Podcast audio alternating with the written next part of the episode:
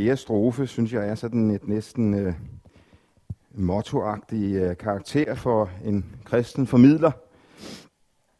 Det er jo støv og ånd i, endnu en gang i, i Grundtvigs øh, terminologi. Lyksalig den tunge i menneskemund. Det er jo støvet.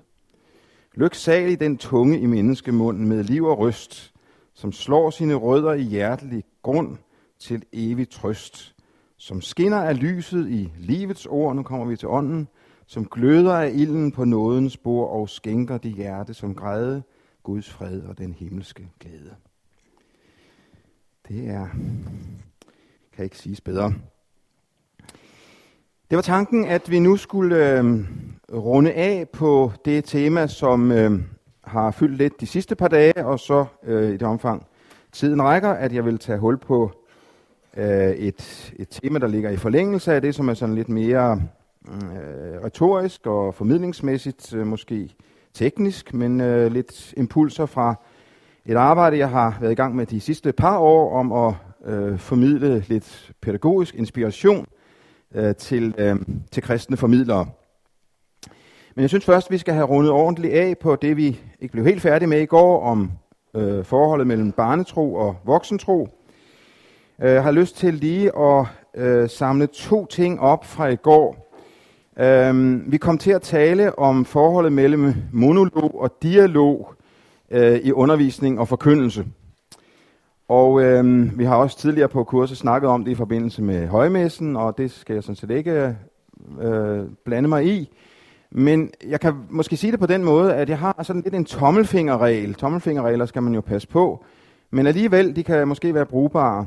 Når det handler om det her med, i hvor høj grad det kan være betimeligt at inddrage, bevidst inddrage dialogiske sekvenser i sin undervisning eller, eller forkyndelsesammenhæng, så tror jeg sådan tommelfingerregelmæssigt set, at man må sige, at dem, der er plus 60, de, de voksede op i en uh, tradition og i en øh, uh, tankpasserpædagogik måske, hvis vi skal sige det på den måde, hvor det, hvor det ikke, tror jeg, er så, uh, så rimeligt at begynde at lancere de store uh, dialogelementer. På den anden side tror jeg, at dem, der er under 30, de nærmest kræver det. Og der tror jeg i, i sammenhængen, hvor, hvor det er en, en, en markant gruppe, at det kan være en, øh, et, et, faktisk et must. Og så er der dem mellem 30 og 60, øh, de skal udfordres, øh, men med, med betænkelighed, eller med, med varsomhed, eller også med en vis grad af provokation. Men øh, det er bare ligesom for at, at øh, mm, sige lidt øh, som tommelfingerregel om, at det er altså ikke altid, tror jeg, lige relevant, og andre gange er det faktisk meget relevant at tænke i dialog, altså tænke hvad hedder det, dialogiske sekvenser også ind i noget, der ellers overvejende er monolog. Om det så skal være øh, ved højmessen, eller efter, eller undervisning og konfirmand, det, det er ikke det, jeg går ind i nu. Det er sådan mere de overordnede overvejelser. Så har jeg lyst til at samle op på, øhm, på det, vi sådan lige nåede at sige, inden vi sluttede i går, nemlig øh, at jeg understregede fortællingens øh, store betydning, fortællingens næsten geniale øh, greb som, som, som det element, der, øh, der i høj grad forener de udviklingslinjer, øh, som vi talte om i går. Øh, både det øh, følelsesmæssige og tankemæssige, det forhold mellem fantasi og virkelighed, og forholdet mellem nutid, fortid og fremtid. Til jer, som ikke var til stede i går, kan jeg lige nævne, at det er nogle af parametrene for øh, min sammenligning mellem barnetro og voksentro. Øh, og der er fortællingen altså en, øh, et genialt redskab i, i den sammenhæng. Øh, så er der et element mere, som selvfølgelig øh, I kan beskylde mig for at være øh, hvad skal jeg sige, øh, part i sagen, når jeg så samtidig siger, at ved siden af bibelfortællingen ligger katekismusstoffet som grundelementet i øh, formidlingen. Øh, jeg er lidt inspireret i den sammenhæng af, af Njål øh, professor ved NLA, som i sin, øh, i sin øh, didaktik fortæl dem og lær dem, gør meget ud af at påvise, at både i gammeltestamentlig og i nytestamentlig tradition har fortællingen om Guds handlinger i historien kombineret med øh, en eller anden komprimeret form for, for dogmatisk stof været bærende. så skal man ligesom koge tingene meget langt ned, så er det bibelhistorie og katekismusstof, øh, som i en, i en god kombination er noget bærende i øh, oplæringen. Øh, selvfølgelig er der forskel på, hvordan det ytrer sig over for en 6-årig, over for en 16-årig og for en, en, voksen. Det er nok klar over, men alligevel som et, et gennemgående og bærende element. Og en af udfordringerne, synes jeg blandt andet er at nyttiggøre fortællingen i forhold til voksne og unge. Og jeg tror slet ikke, vi udnytter potentialet i fortællingen over for unge og voksne i dag. Jeg tror, det er en misforståelse, hvis vi tænker, at fortællinger er, er kun for børn. Jeg var selv til en, øh, en fortælleaften, en længere historie, men jeg skulle i biografen, og så var den film, jeg skulle se, aflyst, og så var der tilfældigvis en fortælleraften i stedet for i den der lille lokale biograf. Og så tænkte jeg, nu har jeg alligevel taget toget helt fra Hillerød til Tisvildeleje, så kan jeg lige så godt uh, høre lidt fortællinger. Det var ikke bibelsk fortælling, det var, det var almene uh, fortællinger fra, fra litteraturen. Men jeg oplevede igen den der fængsling, helt anderledes rum, der opstår, når en kvinde står op, øh, uden manuskript, men altså særdeles velforberedt og fortæller øh, historier. Og der sad vi voksne mennesker, fængslede ved stolen i, i, i 45 minutter. Jeg tror, der er et stort potentiale også i fortællingen, øh, også i vores tid, fordi også mange voksne er jo vendet til, til skærmindtryk, og fortællingen kan altså noget der, som jeg tror, vi skal prøve at nyttiggøre også over for voksne. Så tilbage til de spørgsmål, jeg rejste øh, indledningsvis i går, øh, og dem, som jeg lovede, at på en eller anden måde, der skulle komme et svar på, øh, og dem har jeg så prøvet at, at give nu, eller vil prøve at give nu. Skal børn bibringes erkendelse af arvesynden? Skal der forkyndes omvendelse for børn? Skal barnet leve i selvrensagelse og anfægtelse? Det var de tre konkrete spørgsmål, jeg rejste. Hvis der bare er en lille smule om, øh, om mine øh, analyser af de der religionspsykologiske betragtninger omkring, øhm, omkring forskellen på barn og voksen, og, og det, som det også ytrer sig i, så øh, mener jeg, at det må kunne, kunne indføres i vores øh, schema her, øh, nogenlunde sådan her. Øh, hvis vi taler om det der med syndserkendelsen, øh, det at erkende sin skyld øh, over for Gud og over for mennesker, så øh, er det i barnehøjde i meget høj grad et spørgsmål om at forholde sig til noget konkret. Og nu får jeg igen relateret til katekismus, øh, overtrædelsen af et af Guds bud. Det kan et barn, det kan også en femårig og også en otteårig forholde sig til. Jeg har løjet, jeg har stjålet, øh, jeg har øh, haft andre ting øh, i mit liv, der var vigtigere end Gud, eller hvordan det nu skal udtrykkes. Altså, et barn har ikke nogen, øh, et lille barn har ikke nogen øh, mulighed for at lave en erkendelse generelt af sig selv som, som arvesønder, eller som sønder fra inderst til yderst. Det er noget, der kommer med tiden. Og derfor er det altså min øh, påstand, at den der øh, vending, du er en sønder, som sådan en mere generel, og som jo kan være et, et meget nærgående, øh, en meget nærgående og, og barsk erfaring for os som voksne, at det altså ikke bare er en række enkeltbrud, jeg har gjort på Guds bud, men det stikker dybere.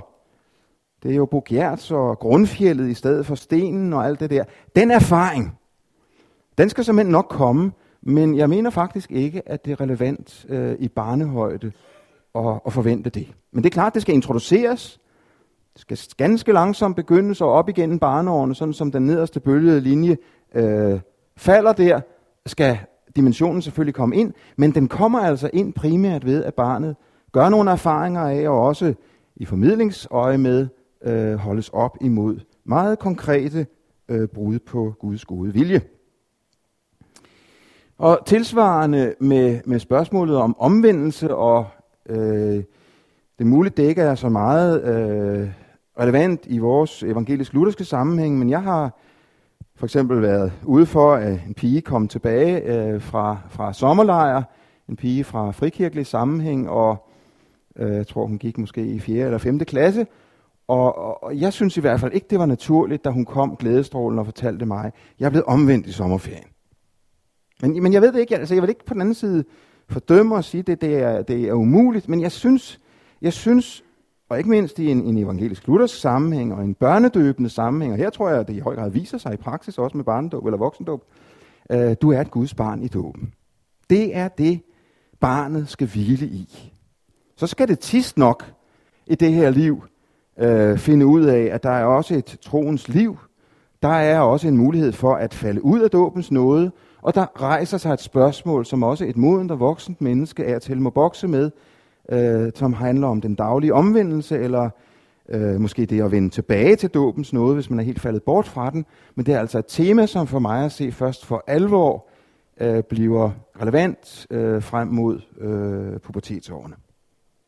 Men der er individuelle forskelle, det anerkender jeg, og der er ingen øh, regler uden undtagelse. Ja. Ja. Og det tror jeg, der er en sammenhæng.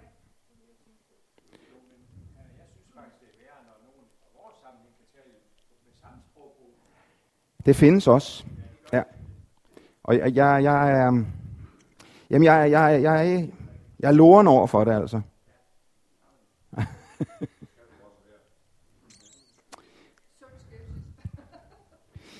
øhm, så, ja.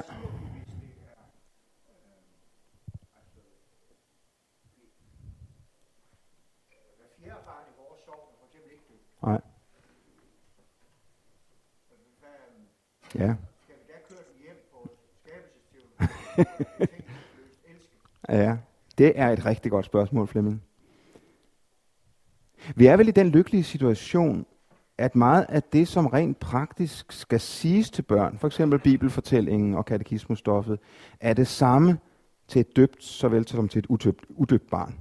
Det, så lykkeligt mener jeg faktisk, vi er stillet, at vi behøver ikke i vores stofvalg at være særlig forskellige. Men der kan jo opstå mere eller mindre sjælesørgeriske situationer, øh, hvor, hvor det, du rejser der, bliver relevant. Jeg har ikke lige et godt svar på det. For du kan jo ikke på samme måde henvise til din dåb, hvis barnet rent faktisk ikke er døbt. Ja.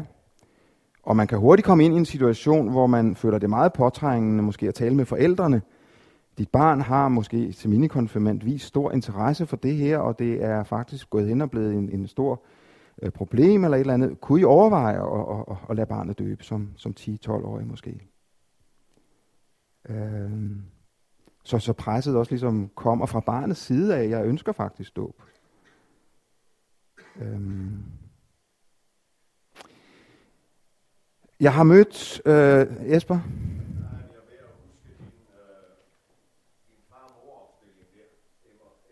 Ja.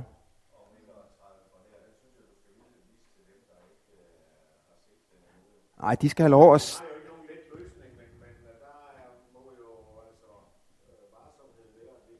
ja, ja, ja, ja, ja, ja. Mm. Mm. Ja, ja.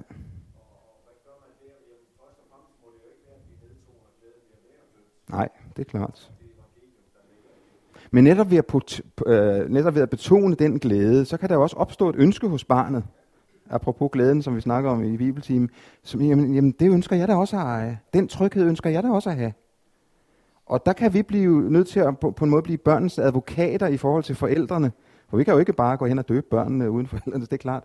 Men, men der kan man sige, det er sådan set på en måde, det er en vanskelig situation, men det er også en lykkelig situation. At skulle gå til et forældrepar og sige, ved hvad, simpelthen for barnets skyld, synes jeg, I skal overveje det her.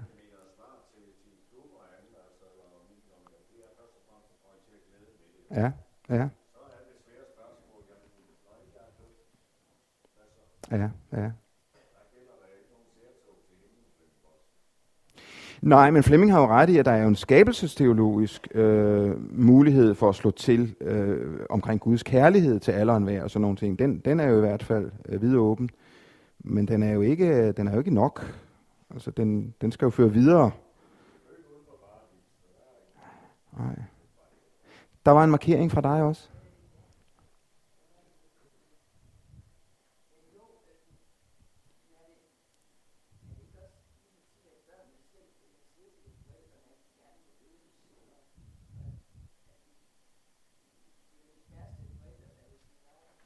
Ja, der er nok desværre nogle forældre, der vil sige nej. Det, det,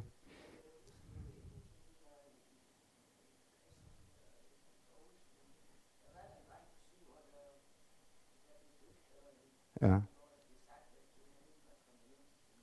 Ja. Ja.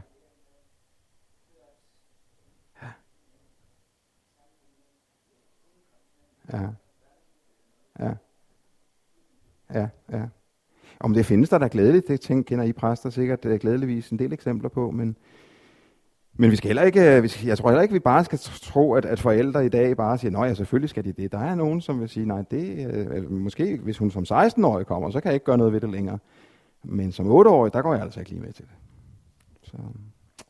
Ja, øh, så har jeg mødt en udfordring øh, i, i øh, oase-sammenhæng, som jeg nævnte i går, øh, omkring øh, for eksempel afklaring af børns øh, nådegaver, børns tjeneste i menigheden, og sådan synes jeg, en voksengørelse af børn, som jeg øh, også er loren ved. Øh, jeg mener, øh, ud fra de der øh, tanker, jeg har gjort mig, både teologisk og, og religionspsykologisk, at øh, barnet skal på en eller anden måde hvile grundlæggende i denne her, øh, denne her, det her evangelium. Du har en plads i Guds rige netop ved at være Guds barn. Og det er jo strengt taget også vores fundament som voksne.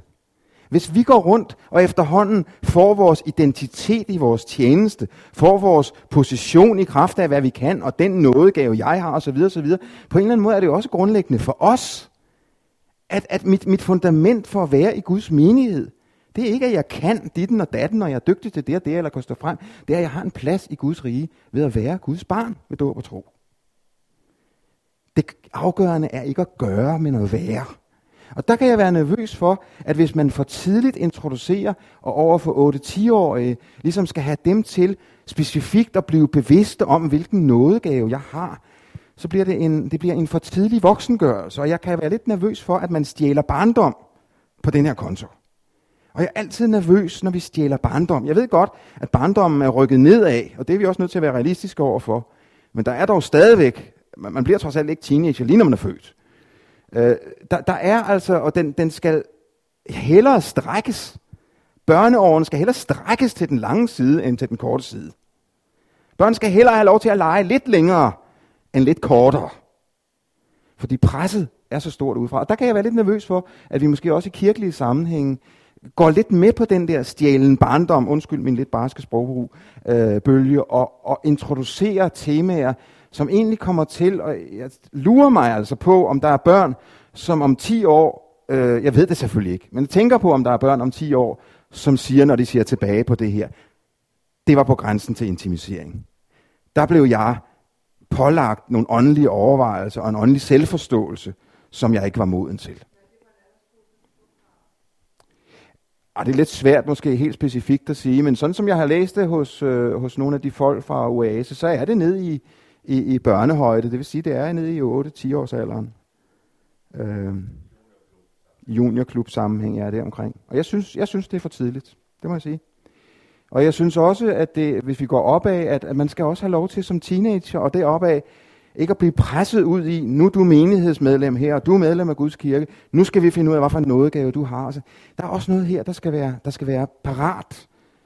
Øh, alt det her handler meget om, om den varsomhed, som kan skønne hvornår øh, et menneske er reddet, og hvornår også modenheden er stor nok til at, at introducere os sådan et tema. Men, ja.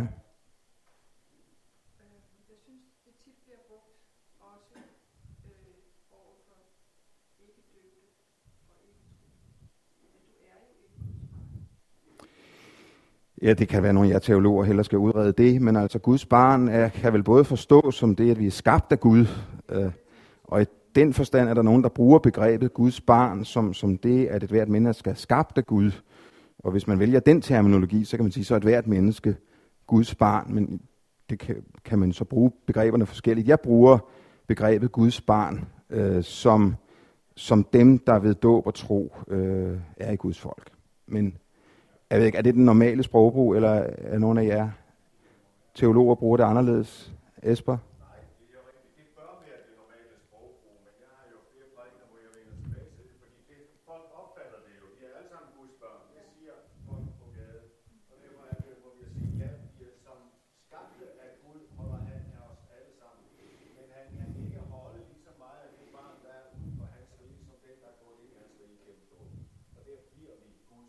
Mm.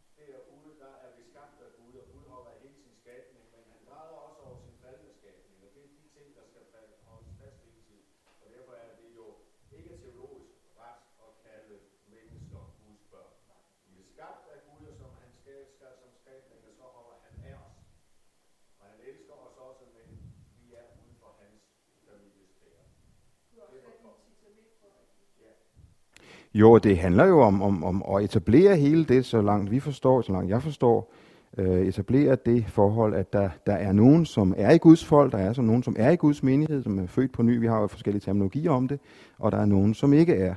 Øh, men det er jo bare meget vigtigt, samtidig med at vi etablerer den forskel, at vi så også, og det tror jeg ikke mindst i vores tid, har et stærkt behov for at pointere vores fælles skabthed og opretholdthed af Gud. Den, den, den, den, skal, den skal prædikes, og den skal også fremholdes der. Det, det må være muligt at, at få begge ting frem live.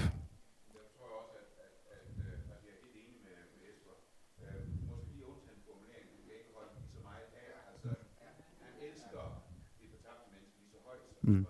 Mm. Mm. Mm. Mm. Ja. Nej. Nej, det kan være lidt svært at graduere Guds kærlighed på den måde.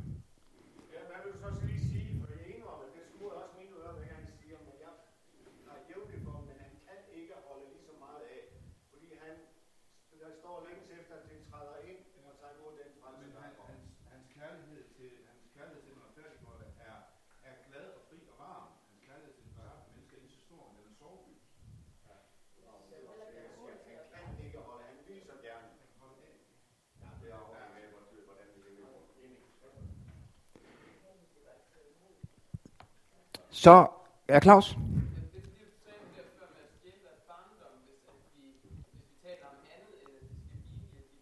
Mm. Altså det ikke meget om, at det er nogle andre ting og nogle andre måder, man kan sige det på, altså når man taler om, altså jeg, jeg vil ikke over for en 20 år begynde at tale om og finde ud af præcis, hvilken noget det er. Mm.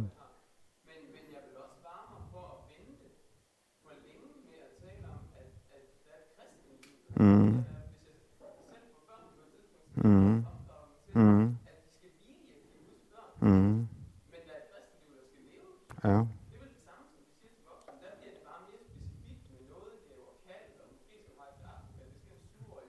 Nej.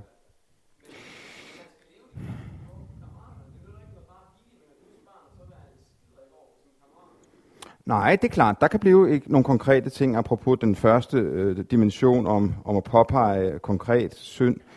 Øh, men Ja, ja, ja, ja, i høj grad. Ja, ja, men det, det ser jeg lidt i samme, i samme gruppe der.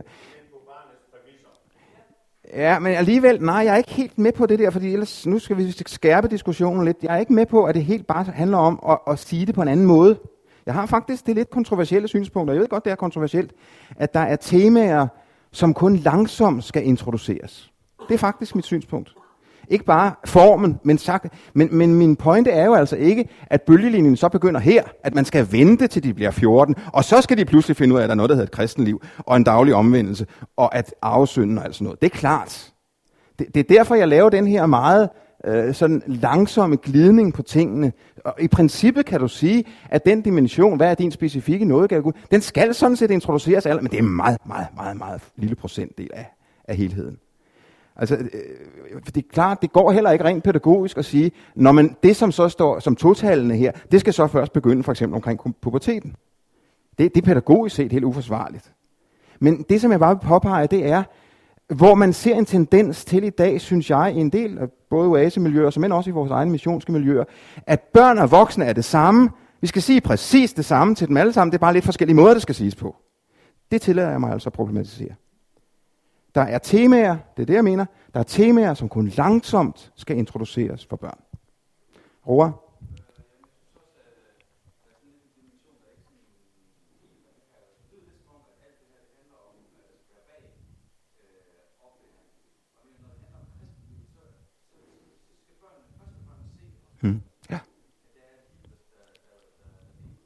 Det er også mit hovedargument til Claus. Ja. Mm. Ja. Ja. Ja.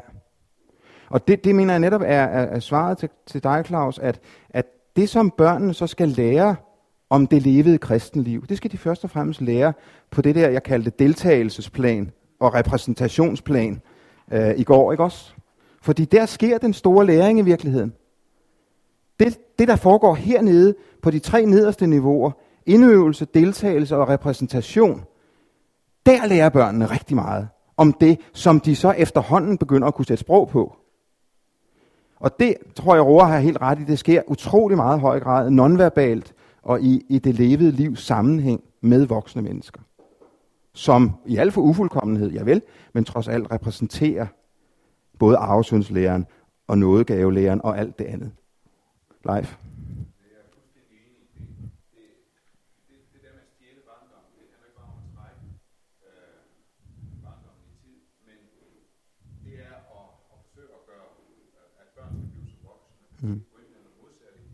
Mm. Mm. Og, og det at forsøge at, at introducere en dyb syndserkendelse af synd som natur, synd som væsen, gerne synd, jamen det vil ikke bare være forstået, men det vil være vedlæggende mm. for barn. Det er til voksne, hvor de liv som Mm. Ja. Det står i Ivar Asheim-citatet til sidst på side 8. Det var vi lige enige om i går. Det, det er den sag, ja. Øh, Niels Jørgen?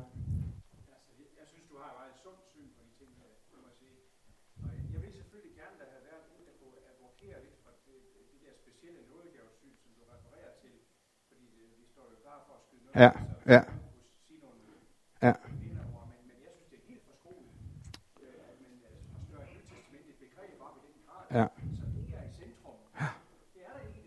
Nej.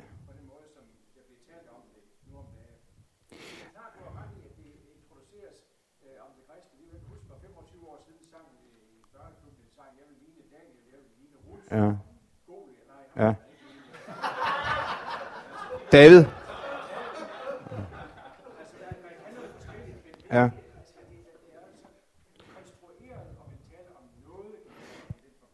Jo, men forbilledeffekten, den er da klar. Den her kommer der også ud af bibelshistorien. Det er da klart, når man hører om Daniel, så vil man da gerne ligne ham. Det er øh, logik for perlehøns. Øh, men, men det mener jeg er noget andet end en eller anden sådan mere abstrakt bevidstgørelse af, af, af nådegave. Altså, jeg kan henføre til Mie Skak Johansen, er det ikke sådan, hun hedder, som har skrevet et hæfte omkring det her, så jeg, jeg griber ikke tingene helt ud af den blå luft. Der vil I kunne se nogle af de her synspunkter. Esper? Givetvis mange. Ja. Og det kommer nu her lige om et øjeblik. Nu trækker du hele tiden tiden ud, Esper. Øhm, for så kommer jo spørgsmålet, hvordan finder vi så ud af, hvornår modenheden er til stede? Hvornår finder vi ud af, at, at nu er det tid at begynde at introducere langsomt, langsomt nogle af de her aspekter? Og der, øh, ja, det må du jo selv om. Ja, ja, men det er...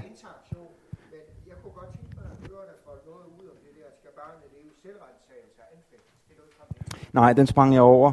Øh, men, men mit synspunkt er nok der det samme, at, øh, at den der, hvad skal jeg sige, provokerede selvrensagelse, den der, jeg synes nogle gange i, i vores øh, børneformidling, jeg, hørte, jeg har hørt tonsvis af andagter på skoler osv. osv.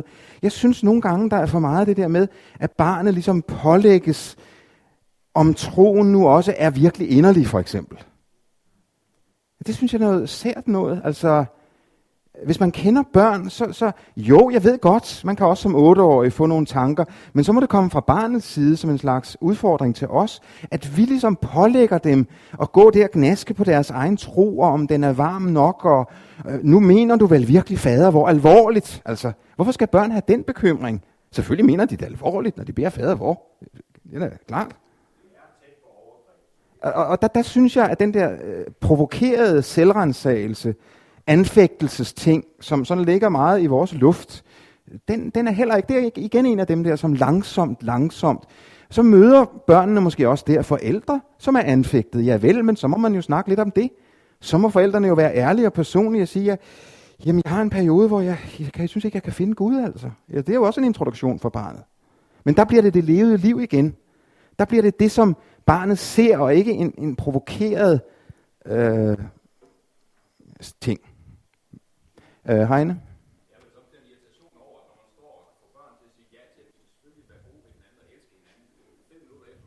Mm. Ja, ja. Ja. Ja. Ja, det er rigtigt. Men, men der tror jeg, der er også en ting, der er meget, meget vigtig her, og det er, at vi, jeg synes nogle gange, vi er utålmodige med børn og unge. At være barn og ung, det er at skal have lov til at have en periode, hvor ting ikke hænger sammen. Nogle gange forlanger vi vores teenager på vores efterskoler, at de skal altså have det hele til at hænge sammen, og de skal, de skal vide, at når man er, tror på Jesus og holder vidnesbyrd, så må man altså ikke holde møder om natten. Ja vel, ja vel, ja vel. Men altså, børn er på vej, og de skal have lov. Vi må være tålmodige, tålmodige, tålmodige.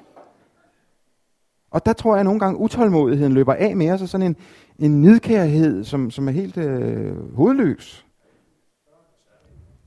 Hvad siger du? Børn og studenter, dem må man have overbærenhed med. Og teologiske lærere.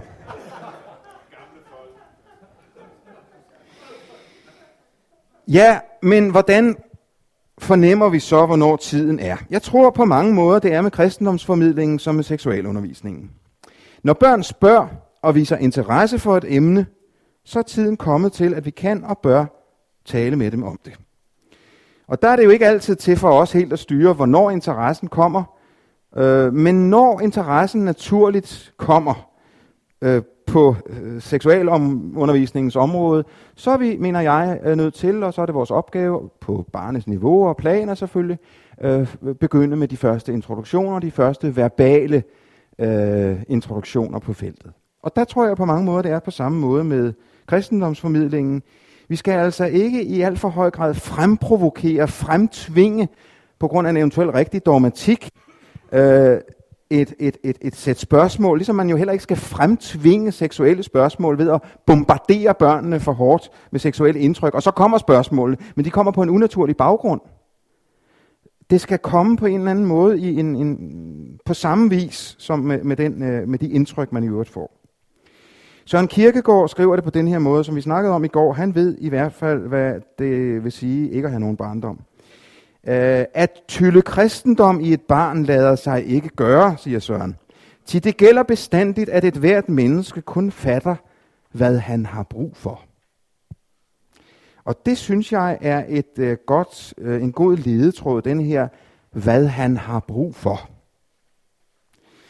Så ved jeg også godt, at vi må pointere, at der er meget store forskelle på, hvornår og hvordan børn modnes, og det må der også gives hvide rammer for. Vi voksne er også forskellige, og vores åbenhed er forskellig, så jeg ønsker, jeg ønsker meget vige grænser her sådan set. Men hvad han har brug for, det er den varsomhed og den lytten og den overvågenhed hos os, øh, som skal spørge efter det.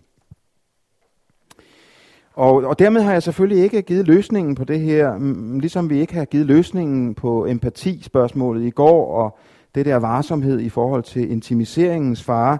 Øh, men, øh, men det er altså noget af det samme, jeg mener, der gør sig gældende her. Hvis vi presser åndelige spørgsmål og problemstillinger ind over børnenes liv for tidligt, så mener jeg, at vi kan gøre os skyldige i åndeligt begrundet tyveri af barndom. Jeg ved godt, at livets store spørgsmål kan rejses for sent, men de kan sandelig også rejses for tidligt af voksne, som er nidkære uden forstand. Så har jeg lyst til øh, endnu en gang at udbygge min pyramide, som I nu har mødt to gange. Øh, I, som kun er her i dag, I må så have mig lidt undskyldt, øh, men det er jo jeres egen skyld, I ikke har været her før. Øh, nemlig at øh, dette her niveau, øh, som jeg lægger meget vægt på, øh, som noget basalt i den kristne oplæring af børn. Nu mangler jeg her repræsentationsbjælken for neden, men den kan I sådan set bare selv tilføje. At den, de her tre nederste lag, og her har kun de to med, øh, kan, øh, kan differentieres. For det er klart, hvad er indøvelse, og hvad er deltagelse? Ja, der er, der er mange ting, der kan ligge nede i de der tre nederste bjælker. Øh, der er naturerfaringer.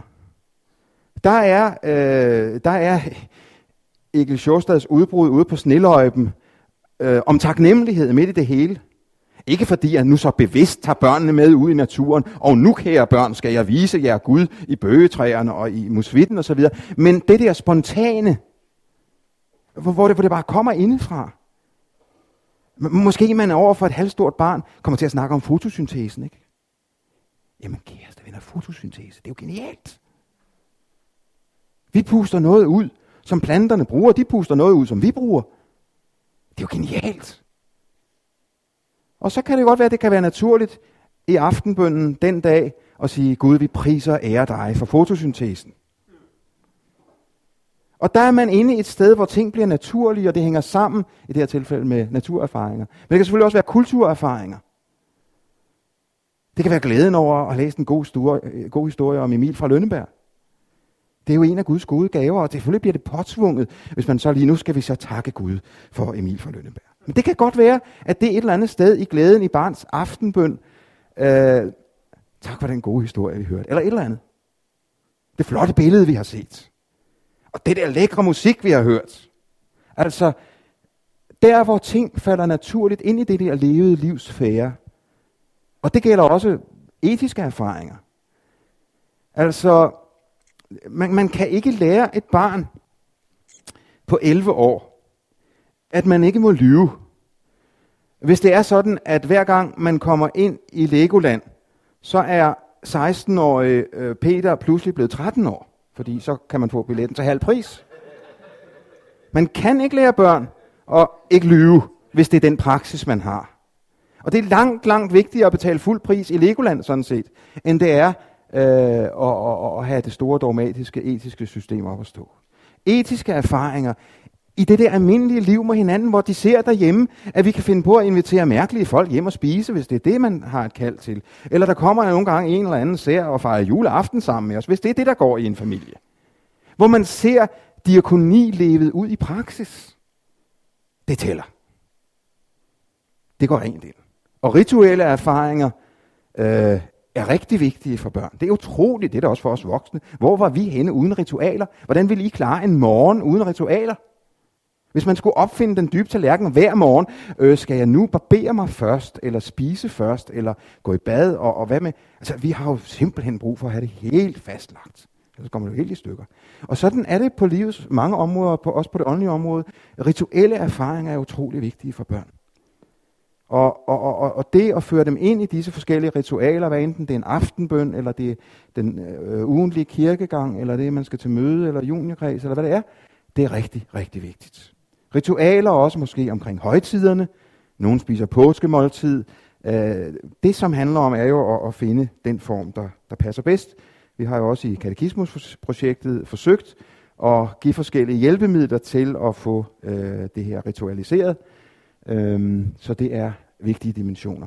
Så det er bare lige for at udbygge øhm, hvad hedder det, pyramiden, som vi har mødt før, ellers skal jeg ikke gennemgå det nu. Min pointe er altså, at den hviler på, på det basale levede livs søjler, og så øh, ligger de andre ting, så at sige, som, som flødeskum på lavkagen. Ja, så mangler jeg en enkelt dimension i det her, den kan vi godt nå inden pausen, og det er det her spørgsmål om forholdet så mellem voksentro og barnetro. For hvis der er en forskel på barnets måde at tro på og den voksnes måde at tro på, hvad betyder det så for den voksnes tro? Det er jo også interessant. Øhm, jeg tror nemlig, det har en konsekvens. Det har nemlig den konsekvens, at den voksnes tro heller ikke skal have barnets tros form.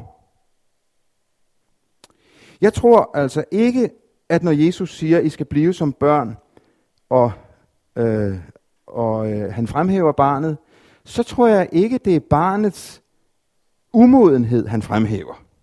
Det er ikke barnets barnagtighed. Det er ikke at sige, det er helt forkert med de her ting, som ligger her nede under linjen. Du som voksen, du skal skære dine tanker og din refleksivitet væk.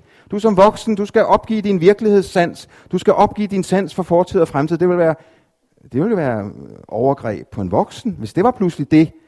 At, at nu må jeg altså ikke være blevet det der modne menneske som, som voksen.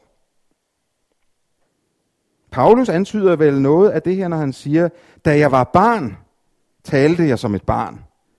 Forstod jeg som et barn, og tænkte jeg som et barn. Men da jeg blev voksen, aflagde jeg det barnlige.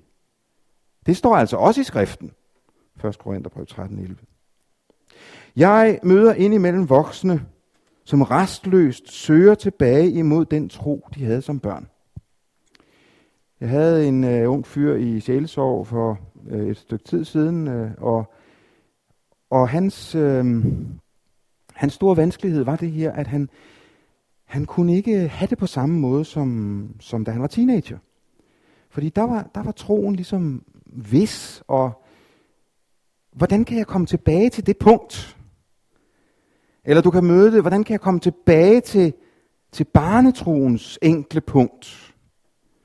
Jeg tror, det er derfor, at, øh, at der er noget måske i os alle sammen, som tænder på den gamle slager. Barnetro til himmelen, du er en gylden bro. For der er en drøm om det, der var i barndommen. Eller måske i teenageårene, hvor troen brød igennem, og hvor man var vis. Og jeg tror faktisk meget sjælesørgerisk hjælp her handler om at sige, der går ingen vej tilbage til barndommens enkelhed. Der går ingen vej tilbage til det punkt, hvor følelser fyldte vældig meget, og tanker ikke særlig meget, osv. Øhm, jeg tror, vi må gøre os det klart som modne mennesker, at vi kan ikke gå baglæns i det her liv. Øh, en voksen må se i øjnene, må sige ja til den smerte, der også følger med at være voksen. Den smerte, der følger med i, at tankerne og refleksiviteten udfordrer følelserne og spontaniteten. Og nogle gange øh, at tvivlen på Gud og Guds eksistens og min nådestand og meget andet øh, bliver virkeligt. Sådan er det. Og så ved jeg godt, at vi voksne er meget forskellige. Der skal stadigvæk være plads til at være både flegmatiker og melankoliker og alt muligt andet. Øh, der er ikke nogen her, der skal ligesom presses ind i, i at man skal have det svært for det, for det i orden. Man skal tvivle rigtig meget for det i orden. Det er ikke det. Men der, der må være et rum for, at voksenlivets modenhed også øh, spiller med i kristentroen. Øh, jeg tror, der kan være tale om en form for regression, hvor man flygter fra det, som er voksenlivets vilkår, erkendelsen af ansvar og skyld og skam, kaldet til efterfølge, til anfægtelse og tvivl, selvrensagelse, eventuel omvendelse, afklaring af egne evner og nådegave, og en del af de der temaer, det hører os og vores voksenliv til, og det kan ikke nytte noget, at vi flygter fra det. Så lige så vigtigt som det er, at vi lader barnet tro på sin måde, lige så vigtigt er det, at vi hjælper voksne til at tro på en måde, der svarer til voksenlivets vilkår og udvikling. Ganske vist er der voksne, som forbliver umodne, også på troens felt. Men det bør mere være en nød end et ideal for os. Og hermed har jeg ikke sagt, at en umoden voksen tro ikke er en frelsende tro. Bare at den er umoden. Hvilket kan være hæmmende både for den voksne selv og for hans medmennesker. For eksempel hans kødelige børn.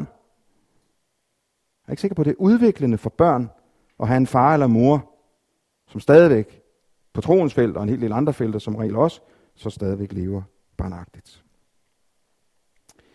Jeg tror, at det er sådan med mange af de ting, der hører voksenlivet til, og som vil fortsætte med at høre øh, det modne voksenliv til, at det skal føre den voksne derhen, hvor barnet er, uden disse erfaringer af anfægtelse, af ansvar og tvivl og selvrensagelse og omvendelse.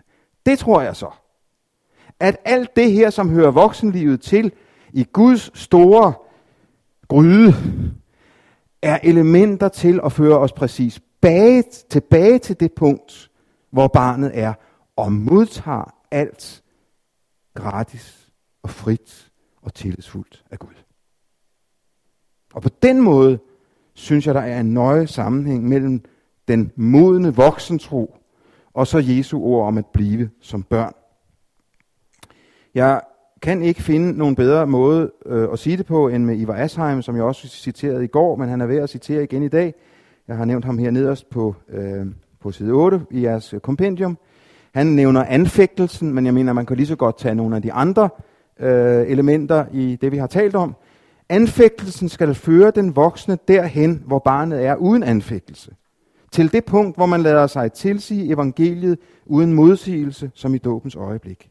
Netop spædbarnet kan tjene som den klareste illustration af den situation over for Gud, som anfægtelsen skal virkelig gøre.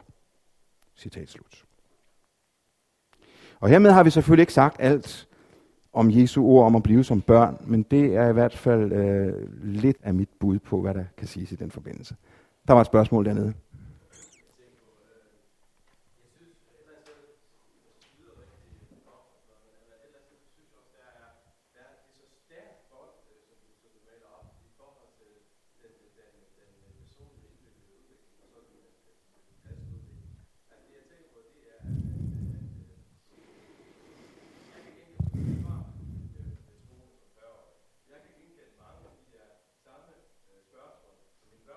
Mm. Ja.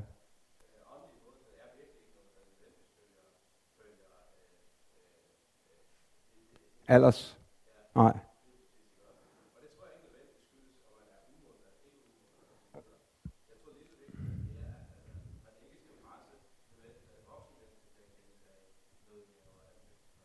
Nej.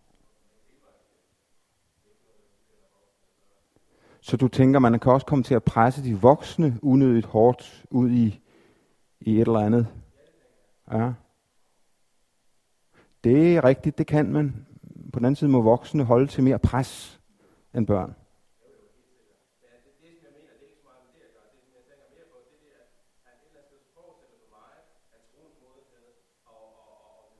Ja. Ja. Det er jeg glad for, at du lige problematiserer, fordi selvfølgelig er det ikke sådan, hverken psykologisk, og slet ikke, fordi Helligånden jo gør lige præcis, hvad han vil.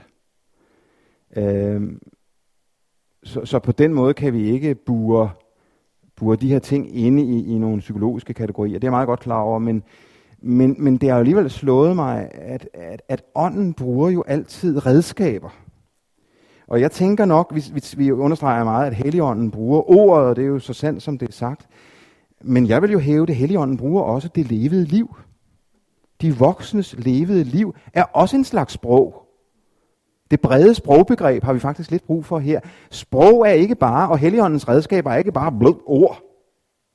Men det er også det sprog, det er også det vidnesbyrd, som det levede liv er.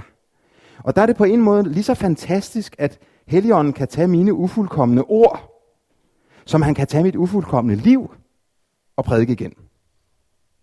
Det, det, det er lige forunderligt. I begge tilfælde tager han noget ufuldkommens. Og enten det er mine ord, eller det er mit levede liv, det der vi så nederst i pyramiden før, ikke også? Og så gør, hvad han nu vil. Øhm. Men det er klart, i, i virkelighedens verden, så går ting aldrig lige ud af, af en bestemt streg. Det er sådan nogle generelle øh, ting måske, der er. Ja. Rasmus? Mm-hmm.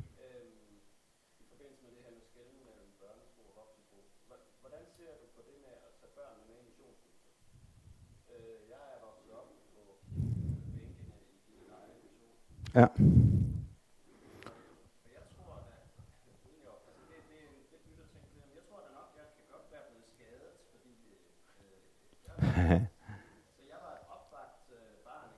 Ja. Ja. Ja. Ja.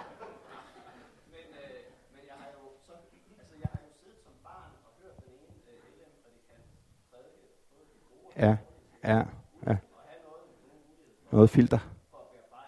Ja, ja. Nå, okay, ja vel. Så der blev det for alvor interessant. nej, nej, nej. Ja, ja, ja. Ja. Ja. Brændende godt spørgsmål, ja. Ja. Ja, ja, ja, ja, ja.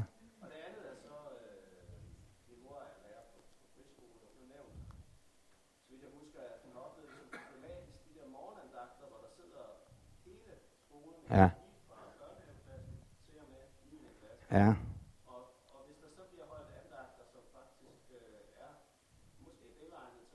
Ja.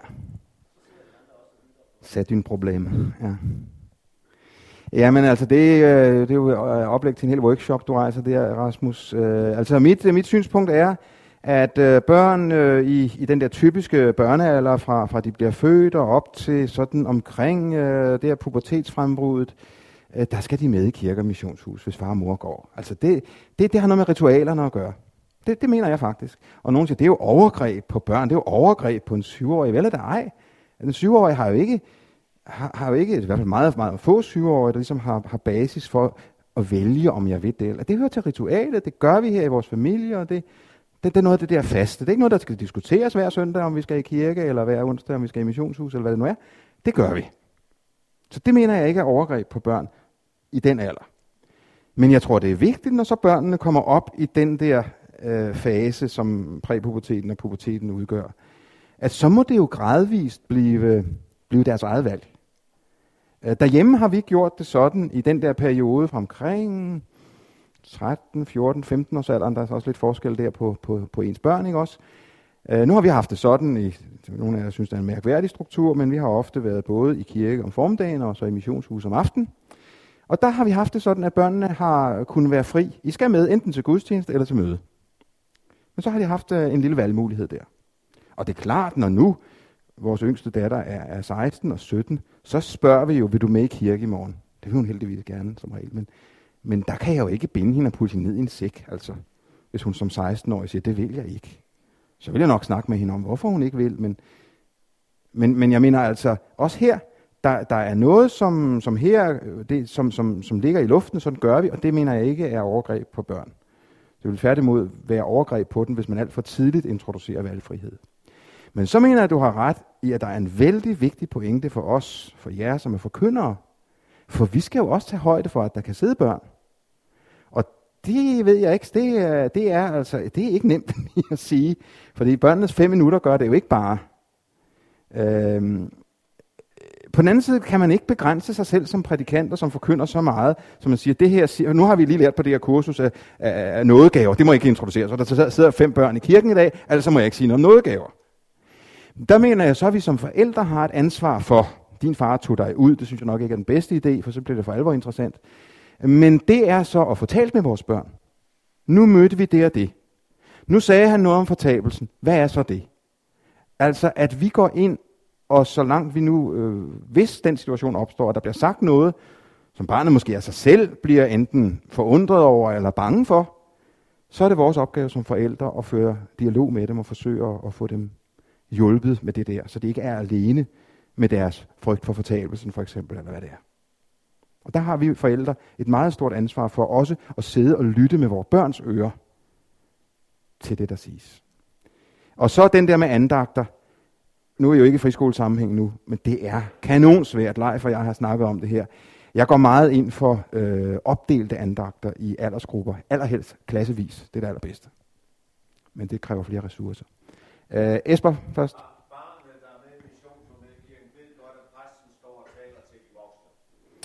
Ja.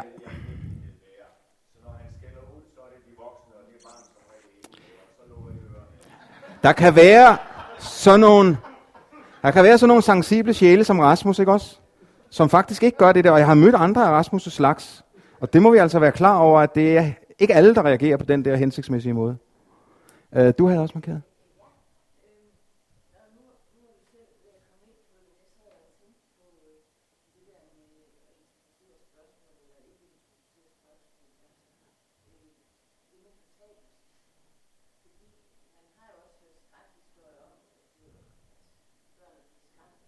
Mm.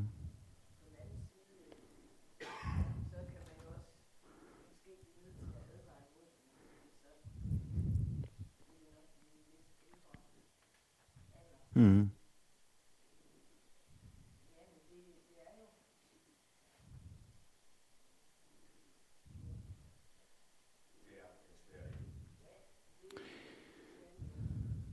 Altså, jeg, jeg, jeg ja.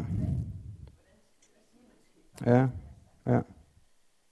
Man skal være klar over, at det, som, øh, som nok er det mest skræmmende for, for børn i, i talen om fortabelsen, øh, specielt for børn, som måske ikke har hørt om det der hjemmefra. Vi møder det meget igen i, i kristens øh, friskolesammenhæng, at børn måske hører om det her med fortabelsen, og så ved de godt, at far og mor tror ikke på Gud.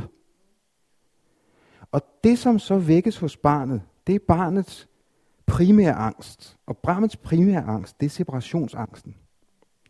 Det er separationsangsten, der er det værste for barnet. Det er det at blive adskilt fra dem, som brødføder mig, så at sige.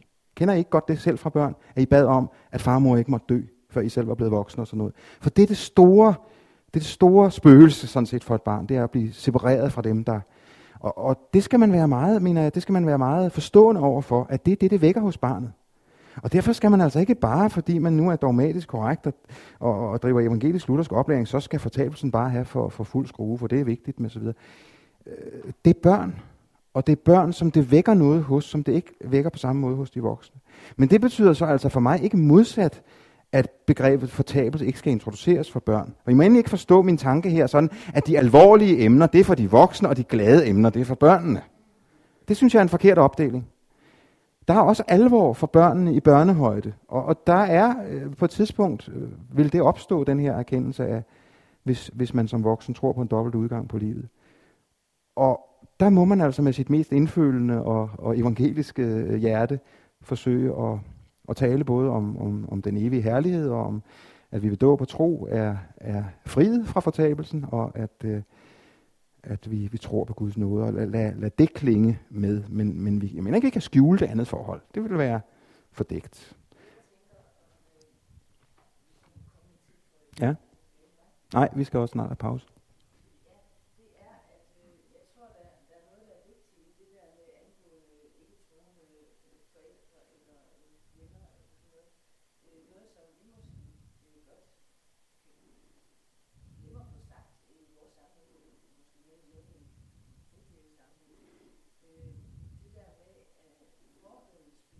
Mm.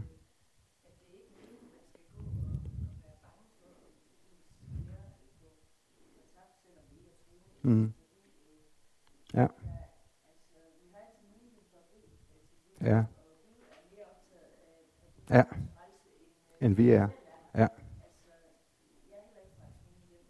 Mm. Nej.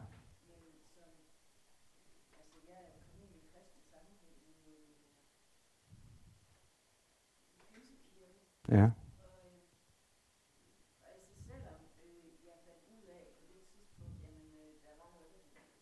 Mm.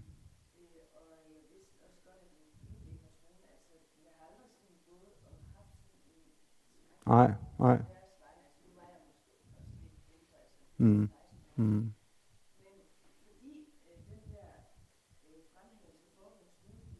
Ja.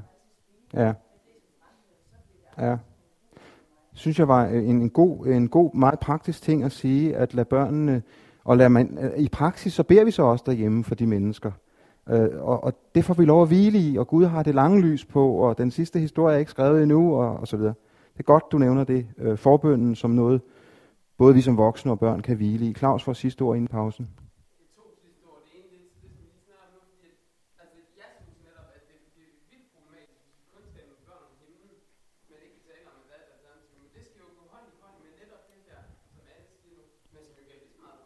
Mm. Mm. Mm. Mm. Det er godt. Nej.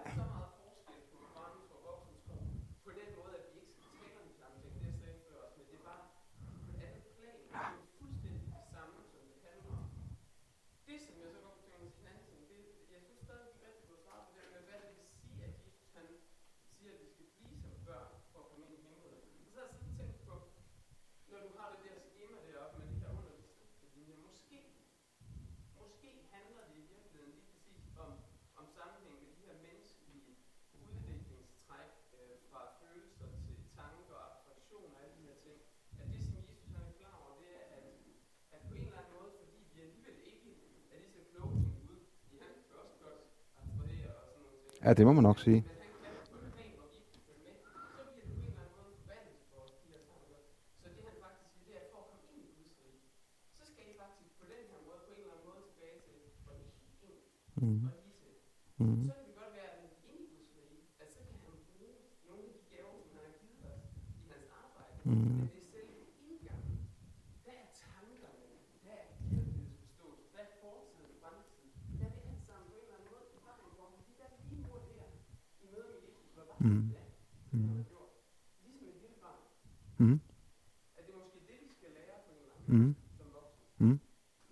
Du fik det sidste ord.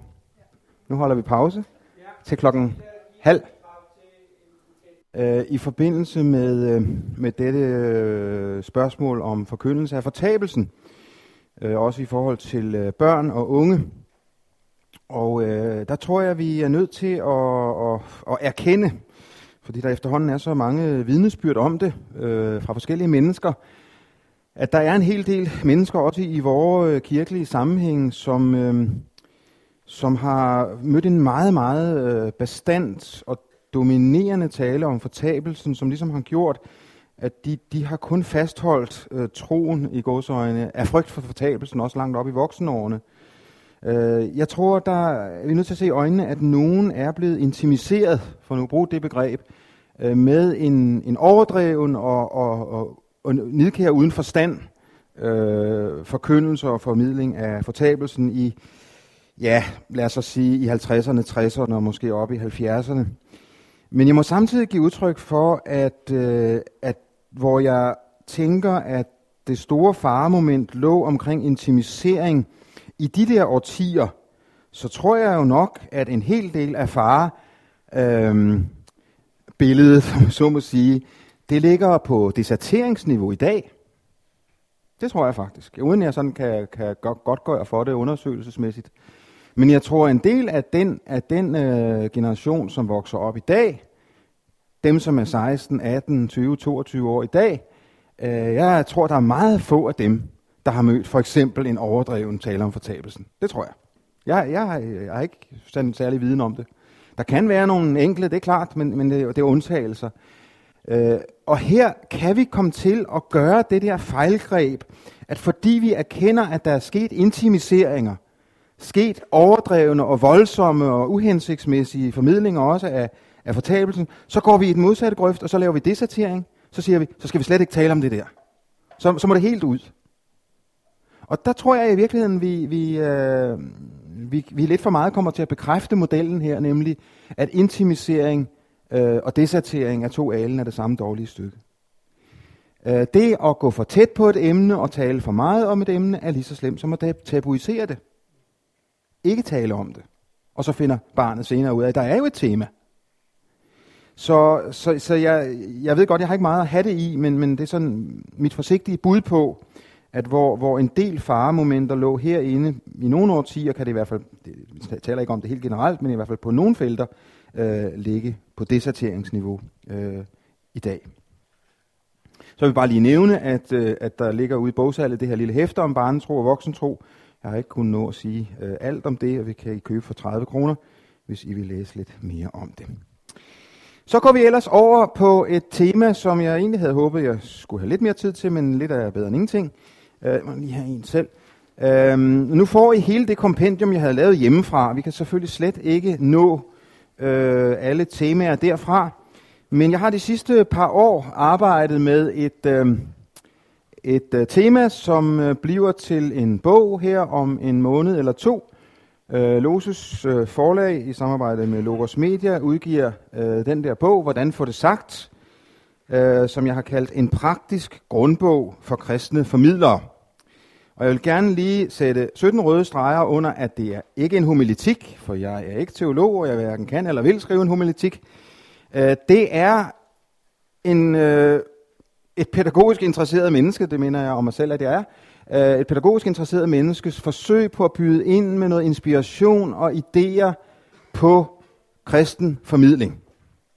Så det er et forsøg på at skrive lidt til, øh, eller lidt, 250 sider er den ved på, øh, til øh, søndagsskolelærer og juniorformidlere, minikonfirmandundervisere, konfirmandundervisere, voksenundervisere, også på alfakurser og kristendoms.dk-kurser, øh, prædikanter, forkyndere, øh, også dem, som står i forskellige vejledningsopgaver, det begreb tager jeg også med, øh, for ligesom at byde ind med, hvad skal man sige, den pædagogiske visdom eller pædagogiske know-how, pædagogiske erfaringer kan øh, have at, at byde ind med her. Så øh, der har jeg valgt nogle ganske få øh, temaer fra, øh, fra den der bog, og har lyst til at præsentere dem for jer. Og øh, så bliver det bare det, det bliver nu i løbet af, af, af en halv time, tre kvarter. Og så kan I jo, hvis I synes, det øh, virker øh, appetitvækkende, købe bogen, når den udkommer. Jeg har valgt at gå ind i, øh, i øh, retorikkens gade, øh, i det jeg har valgt her, fordi der er, synes jeg, mange øh, erkendelser fra retorikken. Det er der for øvrigt også fra journalistikken øh, i henseende til øh, god formidling. Og øh, jeg har tænkt mig nu her at tage lidt frem fra, øh, fra retorikområdet, som øh, jeg mener kan, kan, kan være relevant for os. Jeg springer i midlertid øh, det første øh, over, som står her på jeres øh, side 1 og op til begyndelsen af side 2. Det er den traditionelle retoriske øh, deling af øh, at finde stoffet, at ordne stoffet, at formulere talen, at indøve talen og at fremføre talen. Flere af jer kender det øh, formodentlig i forvejen. Øh, det vil jeg lade ligge, men jeg har lyst til at gå lidt ind i et af de andre aspekter, øh, som retorikken kan bidrage med, fordi det er blevet noget, der sådan for mig selv er, er blevet potent øh, og, og nyttigt, nemlig øh, forholdet mellem de forskellige øh, appelformer, som vi møder i retorikken, logos, ethos og pathos. Og her refererer jeg primært til klassisk brug af de her begreber, og jeg ved også, fordi jeg har drøftet det her lidt med forskellige, der ved meget mere om retorik end jeg, at det måske er lidt på kanten at bruge øh, retorikbegrebet på den her måde. Øh, men det tillader jeg mig altså alligevel at gøre lidt øh, frit. Jeg skal lige se, om jeg kan finde min øh, overhead her. Punkt A. Hold altid orden i dine transparenter. Punkt 2. Jeg har fundet den. Øhm, en tale, og nu taler vi altså om kristen kontekst, en prædiken. Øh, det kan også være en andagt eller en forlænget andagt, eller der kan sådan være forskellige øh, former, som talen øh, gives under. Øh, bør ideelt set bevæge sig imellem øh, de tre appelformer, her kalder dem stilleje, det er nok faktisk rettere at kalde dem appelformer, øh, som vi kalder logos, øh, ethos og pathos. Øhm, logos er det i en tale, som appellerer til tilhørendes øh, tanker og viden. En tale, der udelukkende bevæger sig i logos, øh, er måske i virkeligheden slet ikke en tale, men snarere en form for undervisning eller oplysning. Mens en tale, som er uden logos, i virkeligheden er tom og indholdsløs, stafage, stunt, øh, uden øh, reelt indhold. Men på logos-niveau, og der hvor talen bevæger sig på logos-niveau, der har man ikke ligesom sat livet på spil. Når man anvender logos, så har det med facts og kendskærninger at gøre, der formidles øh, på et øh, niveau, som har meget med tanken at gøre. Øh, kan se, øh, jeg forsøger at dele det op på den måde, hvad der appelleres til. Øh, til tanke, til viden, vigtigheden på det niveau er sådan det ordinære, det almindelige, det, det jævne på en eller anden led, positivt forstået.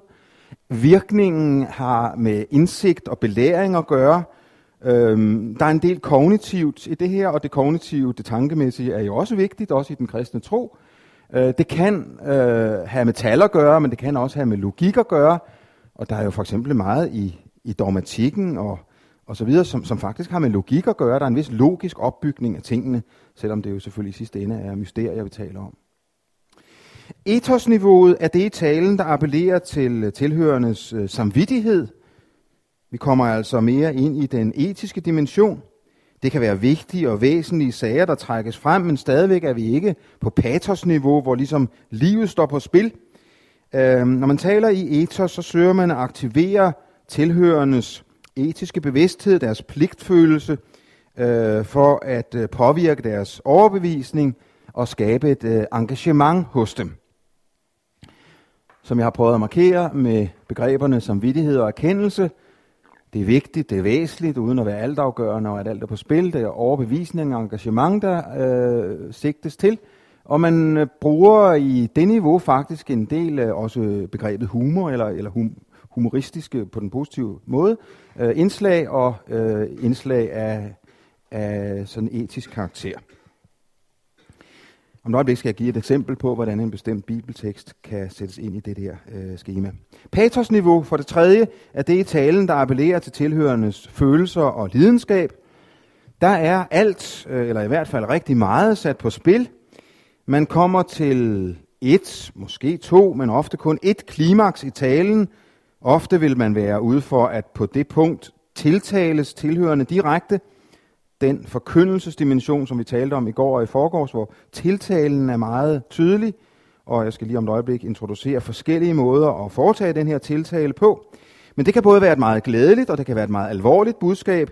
Det skal ikke altid være et alvorligt, det skal i sandhed lige så vel være et glædeligt budskab, man tiltales med, som, som lægges en på sinde. Man udfordrer os også til at tage stilling, til at tro det, der bliver sagt, til at handle på det, der bliver sagt. Og der bruges ofte øh, applicering, og for øvrigt også ofte billeder, til at synliggøre denne her vigtige sag, som nu øh, skal frem. Det er følelser, det er lidenskab, det er noget af det, som virkelig er afgørende. Vi så på det forleden dag, da vi også talte om, om forkyndelsens form, øh, som en meget stærk form, øh, alene i kraft af sin form, og ikke bare i, i kraft af sit indhold øh, der sigtes mod handling og bevægelse, og det må altså ikke forstås sådan i, i logisk forstand.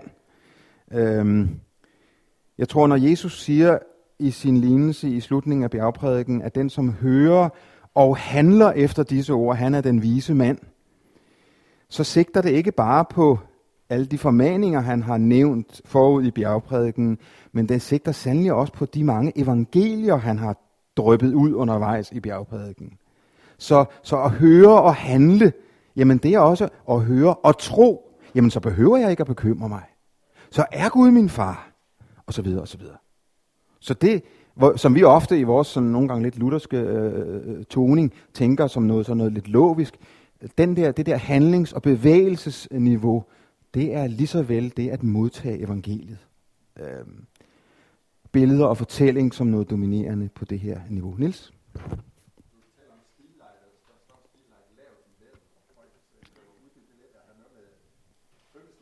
Ja. Nej, ja, det er, det, man, det står i parentes, for det er sådan, øh, altså logos er sådan det der sådan meget, det er sådan lidt stilfærdig, øh, rolig niveau, viden, facts og sådan. Øhm, ethos øh, kommer du sådan lidt mere ind på noget med etisk udfordring, men, men du er stadigvæk ikke der, hvor, hvor, hvor, hvor alt er på spil. Pathos er, er det der lidt varme rum. Hos, ja, det vil ofte være, når det fungerer, både hos forkynderen og hos tilhørende. Øh, det er lige før, du også kunne sætte grader på, i stedet for øh, koldt, lunkent og varmt. Eller køligt, lunkent og varmt. Ja, der bliver det, det følelsesmæssige øh, meget det, der bliver termometret. Men, men læg ikke for meget vægt på de der øh, ting i parentes. Det, det, øh, det er måske lidt en tilsnigelse. Det er Erik Dahl blandt andet, der har lært mig det. Jeg har lyst til lige at prøve, og nu må meget gerne så også bagefter modsige mig i det, men nu er jeg jo ikke... Øh, sådan professionel forkynder, som flere af jer er, men jeg, jeg prædiker der øh, jævnligt. Lad mig prøve at tage øh, prædiken om den, øh, en prædiken over den barmhjertige samaritaner som eksempel. Lukas 10. Det er Logos, når forkynderen fortæller, at øh, samaritanerne kom fra Samaria og var ringeagtet af jøderne. Det er også Logos, når han beskriver vejen fra Jerusalem til Jericho og forklarer, hvad en præst og en levit er. Det er man jo nødt til at vide lidt om øh, og hvorfor de ikke vil røre ved manden. Det gives der også forklaringer på. Det ligger også på logos-niveau, hvis taleren søger at udrede det spil, som foregår i den indledende samtale mellem den lovkyndige og Jesus. Alt sammen ting, som er vigtige dele af talen for at forstå den her lignelse. Det er patos, når forkynderen anvender teksten og den stærke billedsprog i øh, tiltale til tilhøren. Og nej, undskyld, nu springer jeg ethos over, det skal jeg lige have først. Det er ethos, når forkynderen kommer ind på de etiske implikationer i lignelsen, den forpligtelse, som i hvert fald blandt andet springer ud af, øh, af lignelsen, som handler om, hvad samaritaneren gjorde og handlede for denne her nødstagte mand, og som de to andre ikke gjorde. Øhm, det vil også ligge på ethos-niveau og komme ind på den dybere betydning af den lovkyndiges indledende dialog med Jesus som Jesus så jo lader udmåne i den her lignelse. Øh, her kan forkynderen appellere til tilhørendes øh, samvittighed, så de også på et eller andet niveau vækkes til et engagement øh, for at være barmhjertig. Det er patos, når forkynderen så anvender teksten og den stærke billedsprog til at tiltale tilhørende. Talen kan jo for eksempel anvendes til at forkynde, at Jesus Kristus er den barmhjertige samaritaner for os. Han finder os og bringer et stort offer for vores frelse, og det er livet om at gøre, at vi lader ham være den barmhjertige samaritaner i vores liv. Taleren kan også anvende lignelsen sådan, at han udfordrer også ret direkte tilhørende til at handle på samme måde som samaritaneren i sit nærmiljø, eller ved at rejse ud til den tredje verden. Både i evangeliets tilsigelse og i, i formaningens øh, opmundring. Kunsten er for mig at se øh, med sin tale og lade disse tre forskellige appelformer øh, veksle. Man kan ikke holde ud og være i patos under en hel tale. Det bliver for varmt, og det bliver for intenst. Og når alting er ligegyldigt, når alting er lige vigtigt, øh, når alt er vigtigt, så er der ligesom ingenting, der er vigtigt. Så, så hvis man hele tiden føler, at man fra, fra stavelse 1 og til stavelse sidst, skal være øh, på patosleje, fordi de skal virkelig have den, så tror jeg faktisk slet ikke, man opnår det, man ønsker. Der bliver ingen spænding i talen øh, mellem logos og ethos og patos. På den anden side går det selvfølgelig heller ikke an at holde den kun på logos-niveau. Øh, der skal en prædiken eller en forkyndelse adskille sig fra en undervisningslektion. Øh, der skal være også andet end logosstof. Men der må altså blandt andet være logosstof, for at der er substans i det, der skal formidles. Øhm, og så kan man sige, at det er nemt nok at lave sådan nogle skemaer, og, og her kort øh, introducere det. Øh, selv synes jeg, at jeg kan bruge det lidt undervejs i min forberedelse, til ligesom at tænke, også når jeg er færdig med min forberedelse, jamen, har du noget, har du noget substans i det her, du vil sige? Har du noget logos i det? Har du noget, noget udfordring? Har du noget, der, der appellerer også til, til det samvittighedsmæssige, til erkendelse, til overbevisning, til engagement? Og har du også noget, nogle sekvenser undervejs? Det behøver ikke at være i afslutning, det kan også være midtvejs, det kan være flere gange undervejs måske, som, som, øh, som, som bliver tiltale, som bliver øh, øh, tilsigelse, både til, øh, til tro og til efterfølgelse. En meget kort introduktion til et, øh, et stort øh, kan man sige, begrebsapparat. Det kan være, at I alle sammen kender det i forvejen og bruger det og sådan. Men måske skulle vi lige tage nogle muligheder for kommentarer på det. Ikke?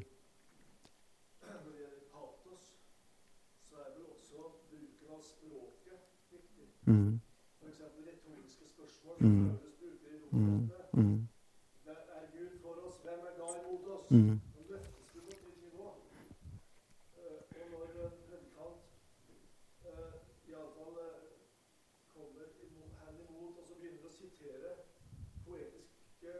Mm. Mm. Ja. Det ligger lidt i mit, prøv at se på min nederste ramme på side 1, øh, det jeg har sprunget over, omkring at formulere talen. En del af de sproglige virkemidler, jeg lister op der, antiteser, den tænkte indvending, sammenligning, metaforen, selvrettelsen, det retoriske spørgsmål, udråbet, overdrivelsen eller underdrivelsen, en del af dem vil være gode at anvende netop i patos-sammenhæng. Det, det er sådan den sproglige, øh, sproglige udtryk for, øh, for det. Det er også tonefaldet, det er også intensiteten, det er også, det er også stemmekvaliteten. Mm, der, der er mange øh, faktorer, det kommer jeg selvfølgelig ind på andre steder i, i, i bogen der, for der, der er jo mange faktorer. Det er mimikken, det er gestikken, det er blikket, øh, som har betydning for det her. Så har jeg lyst til, øh, det bliver sådan lidt introduktionsagtigt her, øh, at introducere lidt for jer øh, nogle tanker, jeg selv har gjort mig om tiltalens forskellige former. Fordi, som vi også talte om øh, i forgårs, var det vist, øh, tiltalen er et vigtigt moment øh, i talen, i formidlingen, i forkyndelsen. Øh, ikke fordi alt skal være tiltale, slet ikke. Men øh, for mig er det sådan, at skal en prædiken, en forkyndelse have være, være det værd, om jeg så må sige, være en prædiken og være en, en, en god forkyndelse, så, så skal der være et element af tiltale i den. Men tiltale kan, øh, kan øh, eksistere på mange måder og under mange forskellige former. Og for mig selv har det været lidt en hjælp at prøve at se på tiltalens former øh, ud fra vores øh, almindelige opdeling af første person ental, anden person ental, tredje person ental, første person flertal, øh, anden person og tredje person, øh, som I kan se i skemaet her nederst på side 2. Ja.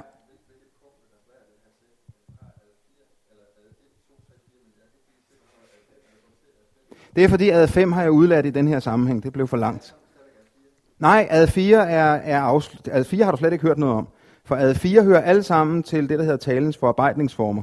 Det er de fem, der står der øverst på side 1. Og så har jeg bare undgået, så du skal slå en stor fed streg lige ovenover logos, ethos og Pathos. Det er noget helt nyt, der kommer der. Og så skal du sådan set også slå en streg ovenover tiltalen og også over billeder. Det springer jeg også over. Det, det må jeg undskylde, det bliver sådan lidt forvirrende, fordi jeg ikke når det hele.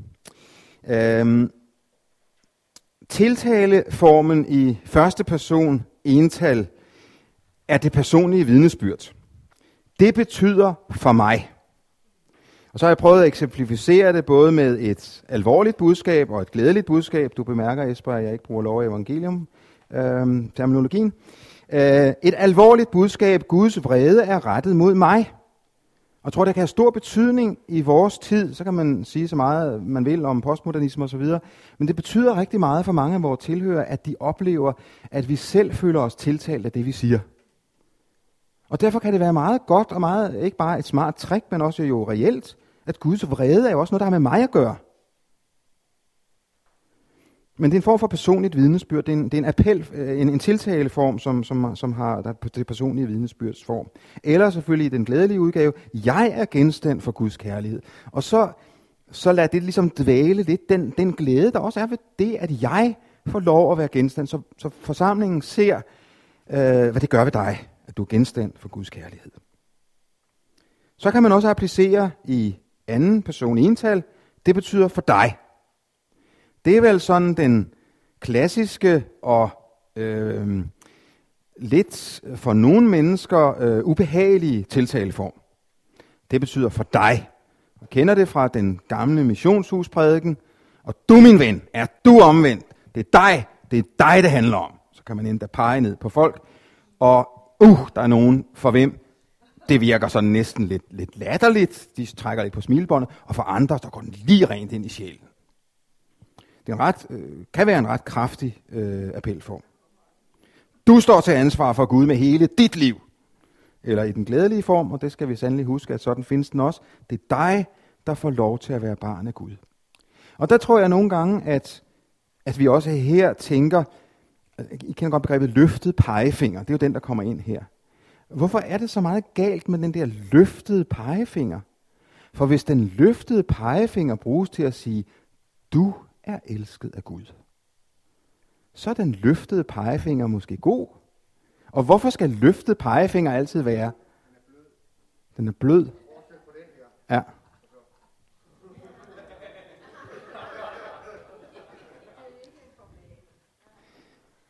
Tilsigelsen, øh, det glædelige budskab, proklameringen til dig, så lad os kalde det med den bløde pegefinger, øh, den tror jeg ikke, vi skal forsage.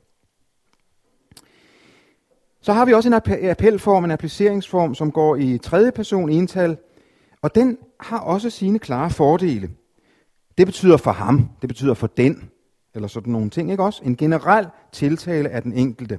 For eksempel, den, der ikke tror på Jesus, eller den, der ikke er døbt og tror på Jesus, går fortabt. Hvordan I nu vælger at sige det. Den har den fordel, at så kan man melde sig ind, eller melde sig ud, så at sige, af appellen.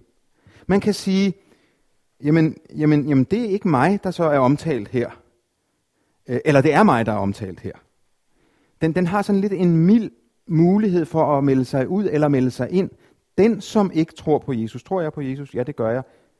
Så går jeg ikke fortabt. Tror jeg, når så går jeg fortabt. Altså, det er det, der er budskabet i det. Ikke? Den har sådan lidt en, den har sådan lidt udmelding, øh, den har sådan lidt en indmeldelse, udmeldelsesmulighed. Hvis man er døbt og lever i troen, har man evigt liv. Det er lidt det samme karakter. Øh, man kan melde sig ind, eller man kan melde sig ud, og man sidder lidt som lidt på bænken og har lov til at, at lave sin, sin egen øh, version. Appelformerne findes selvfølgelig også i flertal. Det betyder for os, taleren og tilhørerne er i samme båd. Vi, som er rige, har en særlig pligt til at drive diakoni, for eksempel. Øh, ligesom jeg-formen, det personlige vidnesbyrd, har en fordel, fordi man tager sig selv med, sådan kan også vi-formen øh, i flertal have den fordel, at, at man reelt markerer, at vi er i samme båd her. Vi har en udfordring. Jeg har lige så stor en udfordring som jer. Jeg kan have lige så svært ved at, at drive diakoni, som I har. Vi står sammen i denne her udfordring. Men lige sådan selvfølgelig også i den glædelige afdeling, Jesus kommer til os i dag og lyser sin fred over os. Den der øh, markering af en gruppe, af en flok. Vi står sammen, vi er sammen under Guds nåde. Vi er Guds folk, og vi er på vej til samme mål, eller sådan nogle andre formuleringer, kan også give en god fællesskabsmarkering. Det betyder for jer, det er jo så en direkte tiltale af alle tilhørere. Nogen vil opleve den knap så pågående som dig, altså anden person ental, men også det betyder for jer, øh, skal man være klar over, det placerer øh, prædikanten, taleren, øh, på lidt en, en, en pedestal. Det er han jo på en måde også. Det skal han også være. Det er jo ikke for ingenting, der skal være en talerstol, og man ikke skal stå på gulvet. Der er en tiltale, der er et, et, øh, et ord til jer fra mig. Øhm, du må ikke have andre guder. Det gælder også jer, som sidder her. Alle I, som hører Jesus Kristus til, er lemmer på hans læme. Øhm, det er en appelform, som jeg synes er brugbar. Den kan være øh, forholdsvis direkte, men, øh, men man skal altså passe lidt på med den der, at den får alt for meget karakter af, at jeg er slet ikke øh, inkluderet her. Og endelig findes den selvfølgelig også i tredje person flertal. Det betyder for dem en generel tiltale af alle tilhørere. De, der slutter fred med synden, har ikke fred med Gud. Så sidder man dernede og udfordres, når man er jeg en af dem, der slutter fred med synden, så har jeg, mener han altså ikke fred med Gud. Eller evangeliet gælder for alle dem, der ikke kan undvære Jesus. Sådan lidt.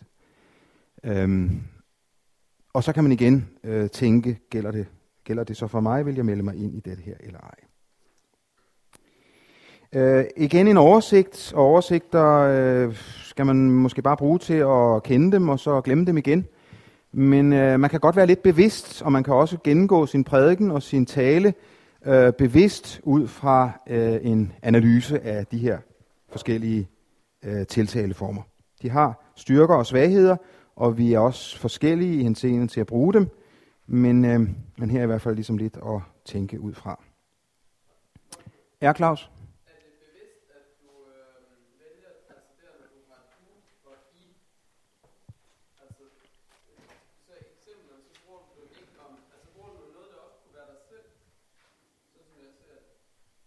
Ja, det skulle gerne gælde om alt, kan man sige. Så sandt som jeg er den første tilhører til min egen prædiken. Åh. Oh.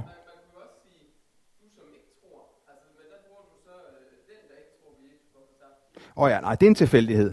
Ja, det er en tilfældighed, ja. Ja. Ja, det forstår jeg godt, at du i stedet for sagde, du der ikke tror på Jesus går fortabt. Ja, det, det kunne jeg princippet godt forestille mig, at man kunne sige. Ja. Øh, det er nok også det, der mange gange er blevet sagt i 50'erne, 60'erne og 70'erne, som har skabt nogle uheldige virkninger, hvis det bliver sagt for meget og sagt på en forkert måde. Men, men nej, det er en tilfældighed. Øh, det er bare eksempelmateriale her. Ja, Egil?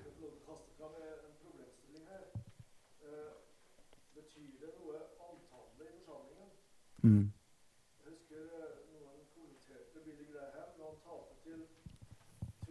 Ja.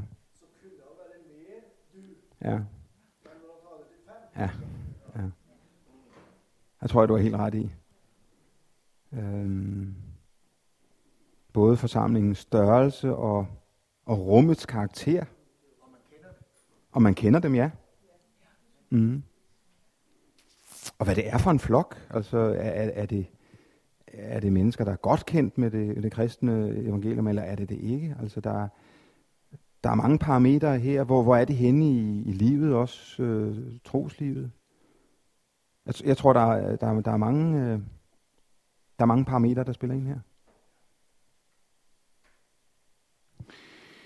Lad mig bruge de sidste 10 minutter på, øh, på en, en anden oversigt, øh, en anden øh, input, som handler om disposition.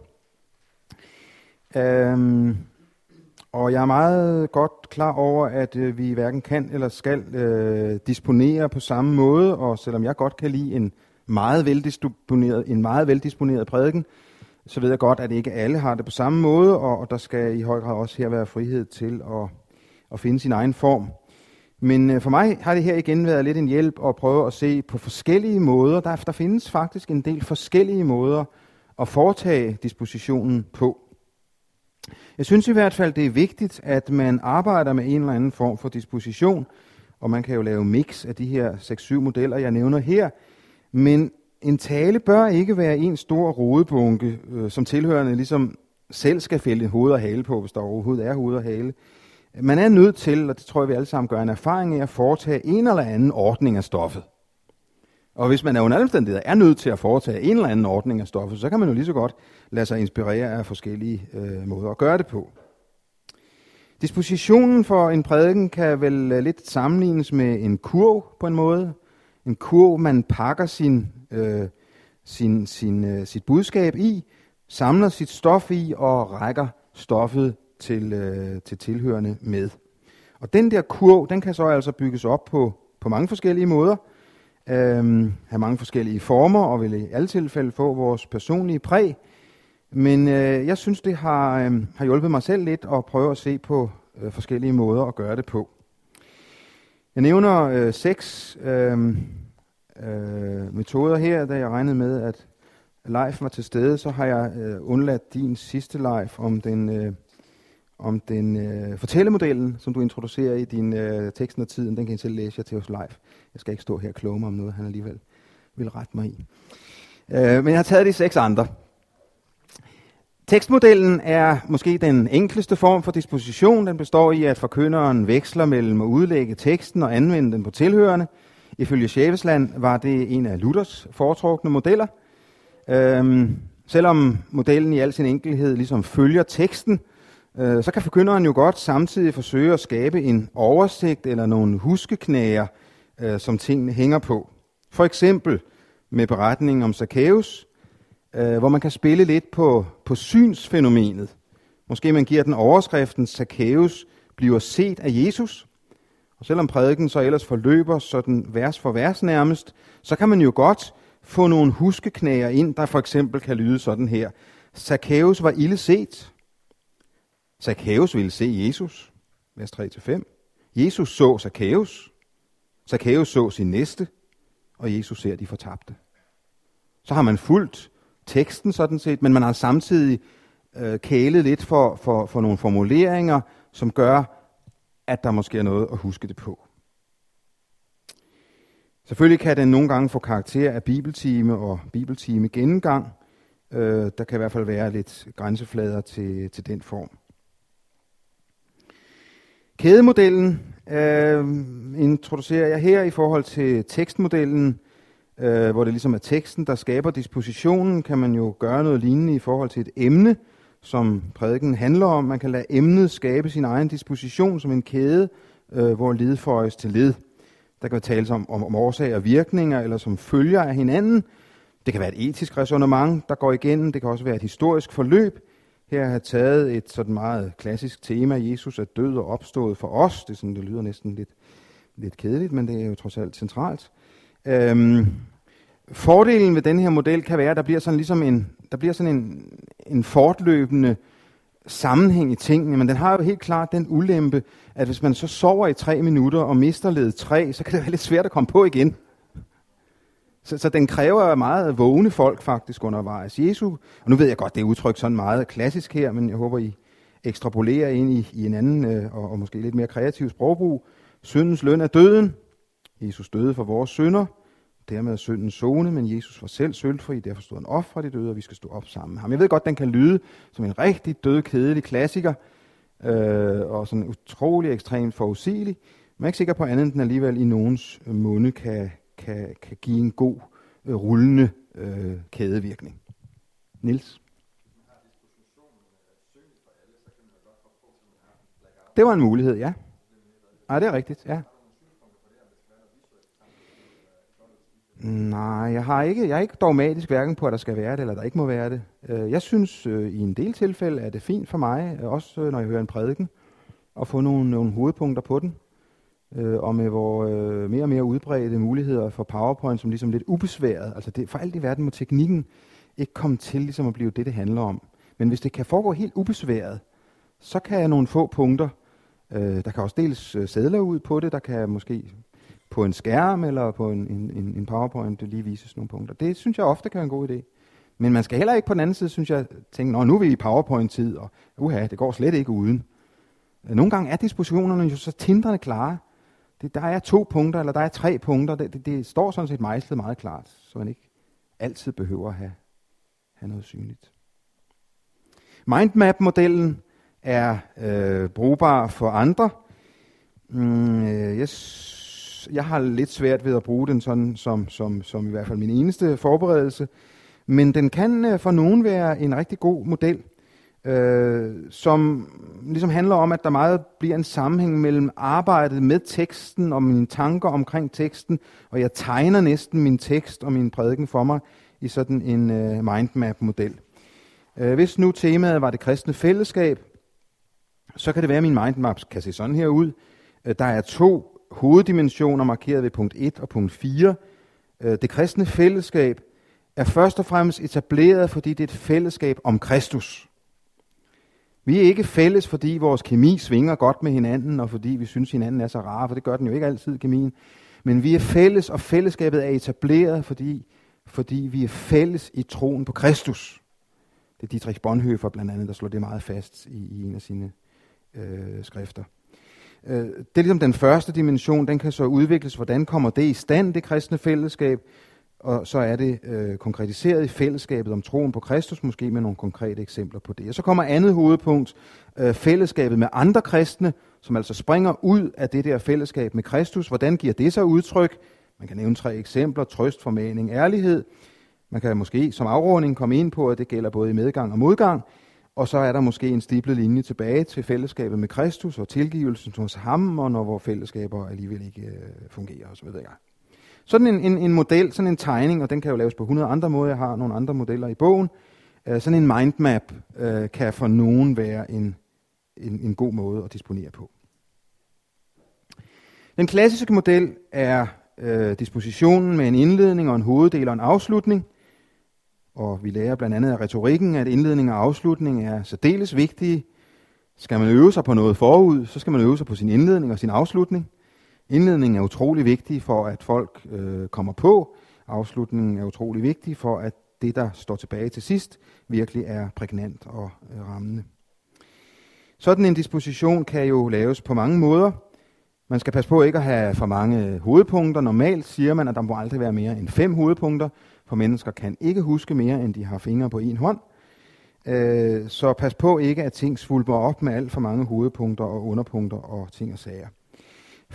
Utrolig vigtigt i den her proces er det jo som journalisterne og kilde sin darling. Øh, det er jo ikke svært at skære noget væk, der er noget bras. Der, hvor det virkelig viser sig, om man er en mand, det er, når man skal skære guldkornene væk. Øh, og det er man nødt til, tror jeg, i mange tilfælde forhåbentlig, kan vi have så mange guldkorn, så der er nogen, der skærer væk af. Øh, men her er det rigtig vigtigt, når man tænker sådan en disposition, og også de andre dispositioner, at tænke illustrationer, billeder, eksempler og historier ind undervejs. Sådan en retoriker, som, som, eller som har tænkt en del over det, øh, Erik Dahl i forbindelse med, med kristenformidling, han hævder, at du må ikke have et hovedpunkt uden at have et billede. Det synes jeg er lige dogmatisk nok, men, øh, men han, har, han har fat om et eller andet med, at der, der, skal være, der skal være billeder, eksempler, der skal være øh, show it, uh, don't tell it over det. Jeg har givet her en disposition for uh, en prædiken over Johannes 14 uh, øh, om fænomenet lydighed og kærlighed, som I, I kan se uh, på, hvis I vil. Så er der journalistmodellen, um, som synes ikke er så oplagt til mundtlig formidling. Den er derimod øh, ofte god, når du skal skrive en artikel. Måske burde den egentlig have været udladt her, for den er ikke særlig øh, god, synes jeg, mundtlig, fordi det tunge kommer til sidst, der hvor folk er lige i forvejen er trætte og sådan noget. Men i, i hvert fald i artikelsammenhæng og i skriftlig formidling, kan hey, you, see, so, øh, som er journalisternes øh, fire øh, ledebegreber, øh, være, være brugbare. Motivering og appel til tilhørende eller læserne i, i første omgang, det indledende spark, som sikrer, at man bliver indstillet på at lytte. Et godt hey gør stoffet nærværende og interessevækkende og motiverende. Et you tilbyder en identifikation, gør talen umiddelbar og vedkommende for tilhørende, så den enkelte ser, at det her det har med mig at gøre.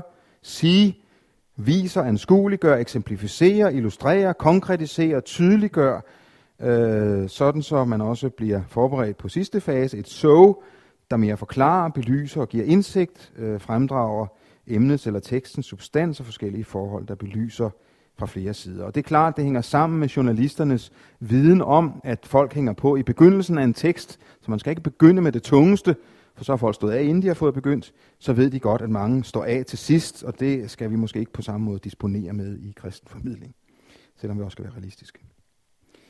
Endelig nævner jeg for det sjette spiralmodellen, som det hævdes, at øh, Billy Graham var en stor forbruger af. Øhm, en indledende, et indledende anslag, en kort historie. I det her tilfælde nævner jeg noget om noget, hvordan din kone eller arbejdskollega eller søn var nådig imod dig for nogle dage siden, eller andet, der sådan bringer tingene meget tæt på. Og så nogle krøller, hvor man egentlig bare øh, siger noget om temaet en 3-4 gange. Måske med en historie eller en beretning undervejs. Noget af det modsatte er fortjeneste, det kan være din første krølle. Noget betyder noget gratis, din anden krølle. Noget kostede Gud dyrt, din tredje krølle. Og noget rækkes til os, når evangeliet lyder, den fjerde krølle.